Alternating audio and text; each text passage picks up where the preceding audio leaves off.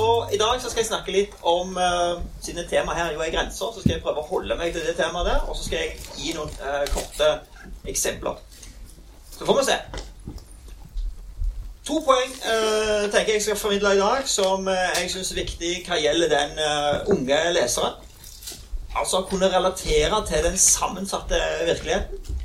hva er virkeligheten består av? Hvordan ser den ut? Er min virkelighet lik din virkelighet? Og eh, hvordan er virkeligheten i så stor grad medialt formidla i våre dager? For det er Virkeligheten er sjelden det du tror, og den er i hvert fall ikke det eh, de andre opplever. Så skal jeg se litt på hvordan vi kan prøve, eh, gitt samme eksempel også, skal jeg prøve å se litt på hvordan vi kan lese kritisk innenfor ulike modaliteter. Um, nå vet jeg vi er veldig opptatt av uh, bøker her, men jeg skal prøve å utforske det òg litt. Det er noen grenser her, som dere vet. Uh, så skal jeg prøve å komme litt nærmere inn på akkurat det òg. Så det er egentlig de, uh, de, to tingene jeg skal prøve å innlede med i dag. Uh, så får vi se om jeg er litt klokere når jeg er ferdig. Det garanterer ingenting, men jeg, jeg skal forsøke jeg skal forsøke å åpne, åpne opp dette feltet litt. Grann. Ja. virkeligheten er kanskje tatt inn på en annen måte enn før. Um, skiller vi mellom det virtuelle og det reelle? Hvordan er det virkeligheten blir forstått? Um, hva består den av? Um, og hvordan er det den medieres hele veien i våre egne liv? Um, fine eksempler er jo denne personen som jeg kjenner, og hun er, går ut og setter seg i sola. Kanskje på et utested. Hvis det er sol, så, så er det bra å sitte der. Og så kan du ta et lite glass og så Det neste som skjer, er jo at vedkommende da tar et bilde av dette glasset. Uh, og så blir det posta et eller annet sted. Og det skjer alltid på den måten. Uh, og uh, påstanden vil være at dette her er jo ikke reelt. Dette blir jo ikke virkelig før det faktisk er delt med alle mulige andre. Og jeg har også sikkert sånne venner. Det tror jeg. Dette, dette, er ikke reelt før det faktisk er posta og på mange måter kommunisert da, og medialisert. Uh, og det er litt sånn poeng med virkeligheten. Hvordan den tar seg ut. Uh, og det er forskjellige mer eller mindre gode ord for, uh, for hva det er. men klart, virkeligheten kommer til oss gjennom ulike medier. og tenk også på mange av de erfaringene vi gjør som voksne, som barn, som unge, som lesere, som seere, som tilskuere, er gjennom ulike former for medieringer. da. lesererfaringer, tilskuererfaringer virkeligheten kommer til oss gjennom mediene. Så hadde jeg da lyst til veldig Jeg snakket jo med litt så vidt med Vera sist gang, så jeg tenkte at jeg kunne bruke hennes glimrende bok 'Hyperprioritet' som et eksempel. Uh, og som en liten homasj uh, til Vera Michaelsen. Så denne er jo en bok som nettopp tematiserer en sammensatt virkelighet. Og som problematiserer hvordan virkeligheten ser ut for meg eller for andre. Gitt eh, hovedpersonen her, da. Hvor mange kjenner boka? Å ja, så flott. Så bra. Det her er noe helt annet enn når underviser studentene. Så mange er kjent med handlingen her. Det er hovedpersonen Camilla. Det er en typisk eh, ungdomsbok. Den handler om hva Jeg sier det, alle ungdomsbøker handler om egentlig om samme ting. De handler om å bli voksen. De handler om å vokse opp og bli den voksne personen. Uh, og Camilla Larsen har litt forskjellige problemer. Det er litt vennegjengen som er litt perifere i forhold til. Uh, hvem er det som har status? Det er fall ikke Camilla. Uh, en skal samtidig prøve å finne ut av forskjellige tilder som, som, en ungdom som forsøker å gjøre alle disse tingene for å bli en voksen. så langt veldig gjenkjennelig, uh, dette her, uh, i uh, ungdomsformat, romansjangeren, hva jeg skal kalle det. Pubertet er selvfølgelig en del av det hele. Det ligger da i, i tittelen.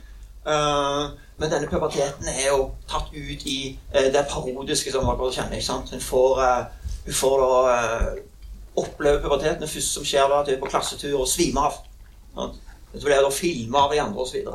Masse sånne kroppslige endringer og sånn. Uh, og mye av dette blir filma av venner, og så blir det oppretta en blogg, Camilla-bloggen. Og her er da uh, at virkeligheten skildres gjennom selve uh, bloggen, da. Under dette anfallet så får jo da noen fiska fram telefonen, for det en gjør i våre dager. Om det er venner og kjente eller trafikkulykker, så er det alltid noen som skal filme det. Igjen er dette her med hvordan virkeligheten formidles oss. Og her i dette tilfellet også, så blir da Camilla filma, og så blir det lagd en film til minne om henne. da. for de var jo sikre på at dette skulle gå veldig galt med, med Camilla kameraet zoomer inn på et klassebilde. Det er klassebildet vårt fra fjerde. Kameraet fokuserer på meg. Jeg hadde klippet håndleggen selv og tatt genseren på vranga. I tillegg er jeg helt skjev i ansiktet, for jeg er midt i en gjesp.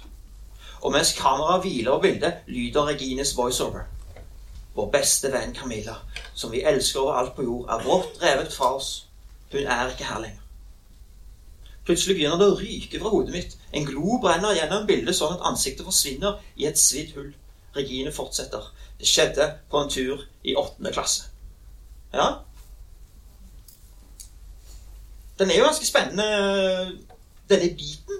Uh, som selvfølgelig er en roman som skildrer en film.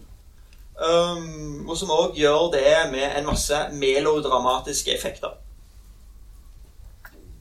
Som dere vet, så mellom mange av dere vet, så er det jo sånn at Camilla selvfølgelig heller ikke døde i dette her. Um, uh, hun ble bare veldig dårlig da, og lagt inn osv. Um, så det er, er en, er en undertekst her som går på nettopp hvordan virkeligheten blir oppfatta, og hvordan en forstår og ser på den. Det er jo en gjenkjennelig sjanger òg, dette her. Sånn minnevideo, dramatisk eh, tekst, melodramatisk tekst. Og i grensene mellom det realistiske og det ganske eh, tydelig overdrevne. En kan ha da tre tilnærminger, tenker jeg, til denne virkeligheten. Um, er, den ene er Camillas posisjon, som dere så også i sitatet her. Uh, altså, Det jeg opplever sjøl, er en, det viktigste. Alt annet er fake. Um, altså, denne filmen, den er falsk. Uh, den sier ting som ikke er sant. Den utgir seg for å være ekte. Uh, de sier de er mine venner, venninner. Mye av dette her er ikke tilfellet. Uh, og dette er da bare en inautentisk kopi av det jeg som Camilla Larsen opplevde. Så det er en viktig posisjon da i denne teksten å se på dette som virkeligheten som en simuleringsposisjon. Altså Det er kun det jeg opplever sjøl, mine egne erfaringer, som er min virkelighet. Så har du vennene til Camilla. Jeg kan spole litt tilbake, kan vi se det forrige. Som har en annen inngang til dette. Klassebildet vårt, vår beste venn, dramatisk eh, osv. Som har en annen inngang eh, til eh, virkeligheten, om du vil. De har en suppleringsposisjon. Mange av dere her inne òg inntar en suppleringsposisjon i forhold til virkeligheten. Virkeligheten trenger litt sånn hjelp. Uh, jeg skal ikke ta håndsopprekning på mange som har lagt ut ting på Insta eller Facebook med et filter på, f.eks. Uh, eh, da tenker jeg litt sånn at ja, virkeligheten er jo bra, den, men den trenger kanskje å dytte oss litt i en eller annen form for uh, forretning. Uh, så klart Bare å skildre at uh, Camille liksom faller over ende og blir liggende der, det er litt traurig. Så en trenger kanskje mange måter også redigere litt på den, og da dermed lage noe annet. Sant? Som er mer i pakt med kanskje det en sjøl føler. Eller tenker jeg trodde jo Camilla skulle dø. Ja, Da må vi faktisk være litt i pakt med det. Da må vi legge på litt musikk, og vi må svi litt ansikter osv. Ja? Men så tenker jeg for oss og som også denne romanen problematiserer i veldig stor grad, så kan vi kanskje spørre oss sjøl om det er så smart å operere med akkurat denne todelingen som Camilla på den ene siden gjør, og vennene på den andre siden gjør. Denne todelingen mellom virtualitet og virkeligheter. Ingen av disse har kanskje forrang. Kanskje er det sånn uh, at uh, virkeligheten er denne blandingen av de to. Virkeligheten ser selvfølgelig annerledes ut avhengig av hvem du er. Viser jo romanen veldig godt. Uh, virkeligheten uh, eksisterer jo ikke forut for erfaringen.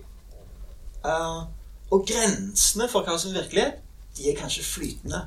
De flytter eh, kanskje på seg. I denne sammensatte, medialt formidla virkeligheten. Så kommer vi til mitt andre poeng. Altså det å kunne lese kritisk innenfor ulike modaliteter.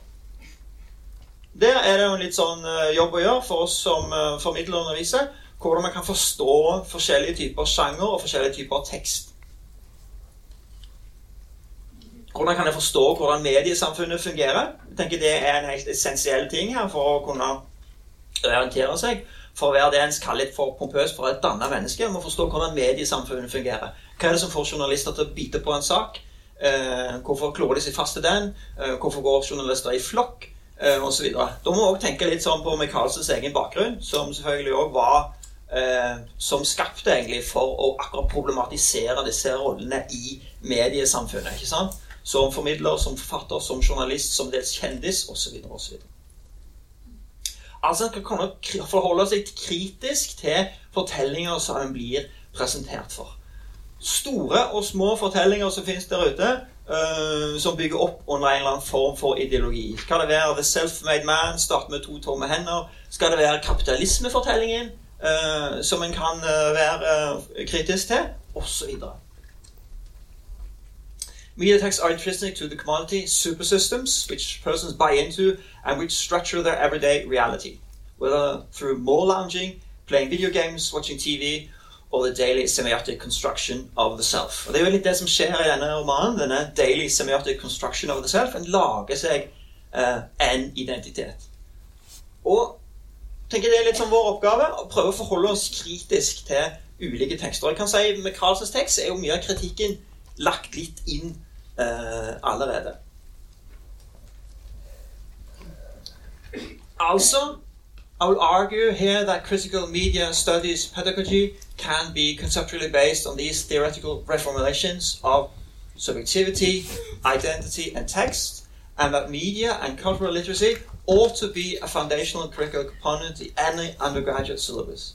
By cultural literacy, I mean a critical literacy of the cultural present. Altså ikke bare det at du er literate, men at du òg klarer å være kritisk til din egen samtid. Ja? Det er det uh, i hvert fall jeg har lyst til, at uh, elever, studenter, skal uh, oppnå, forstå, anvende. Noen sentrale spørsmål skape, Hvordan skape en mening i tekst? Hvordan henger tekst sammen? Hvordan er en tekst uttrykk for en samtidig mediekultur?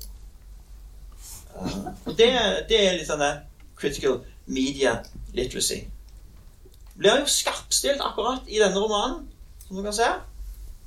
Uh, med disse diskusjonene uh, som følger, da.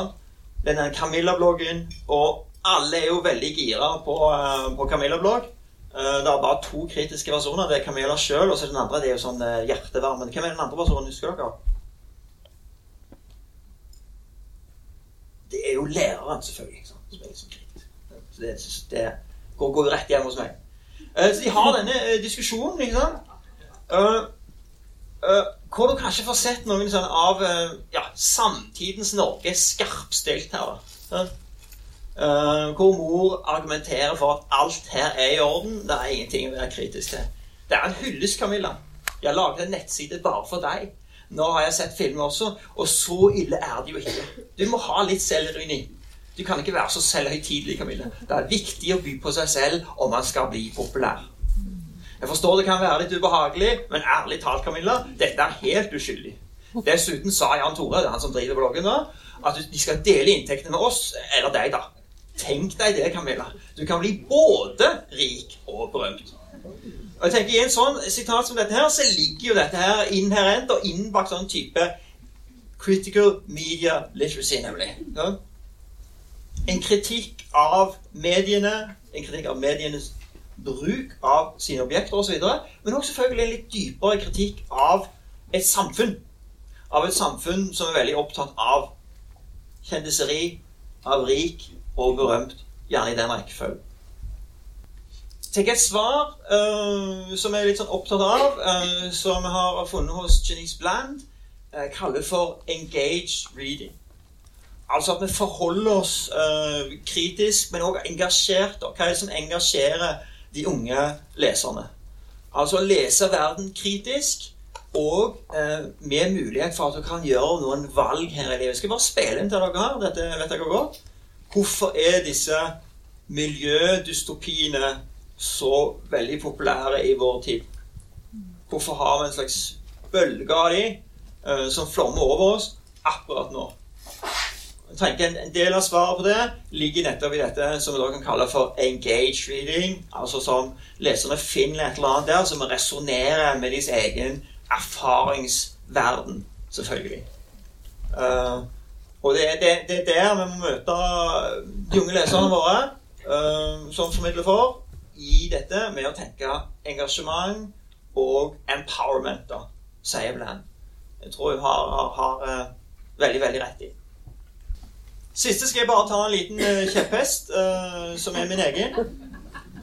og det er bare Nå vet jeg jeg er på en barnebokkonferanse sånn, men jeg tenker i hvert fall som, som norsklærer, som fagmann der så må vi bli litt bedre og ta litt mer av de multimodale tekstene.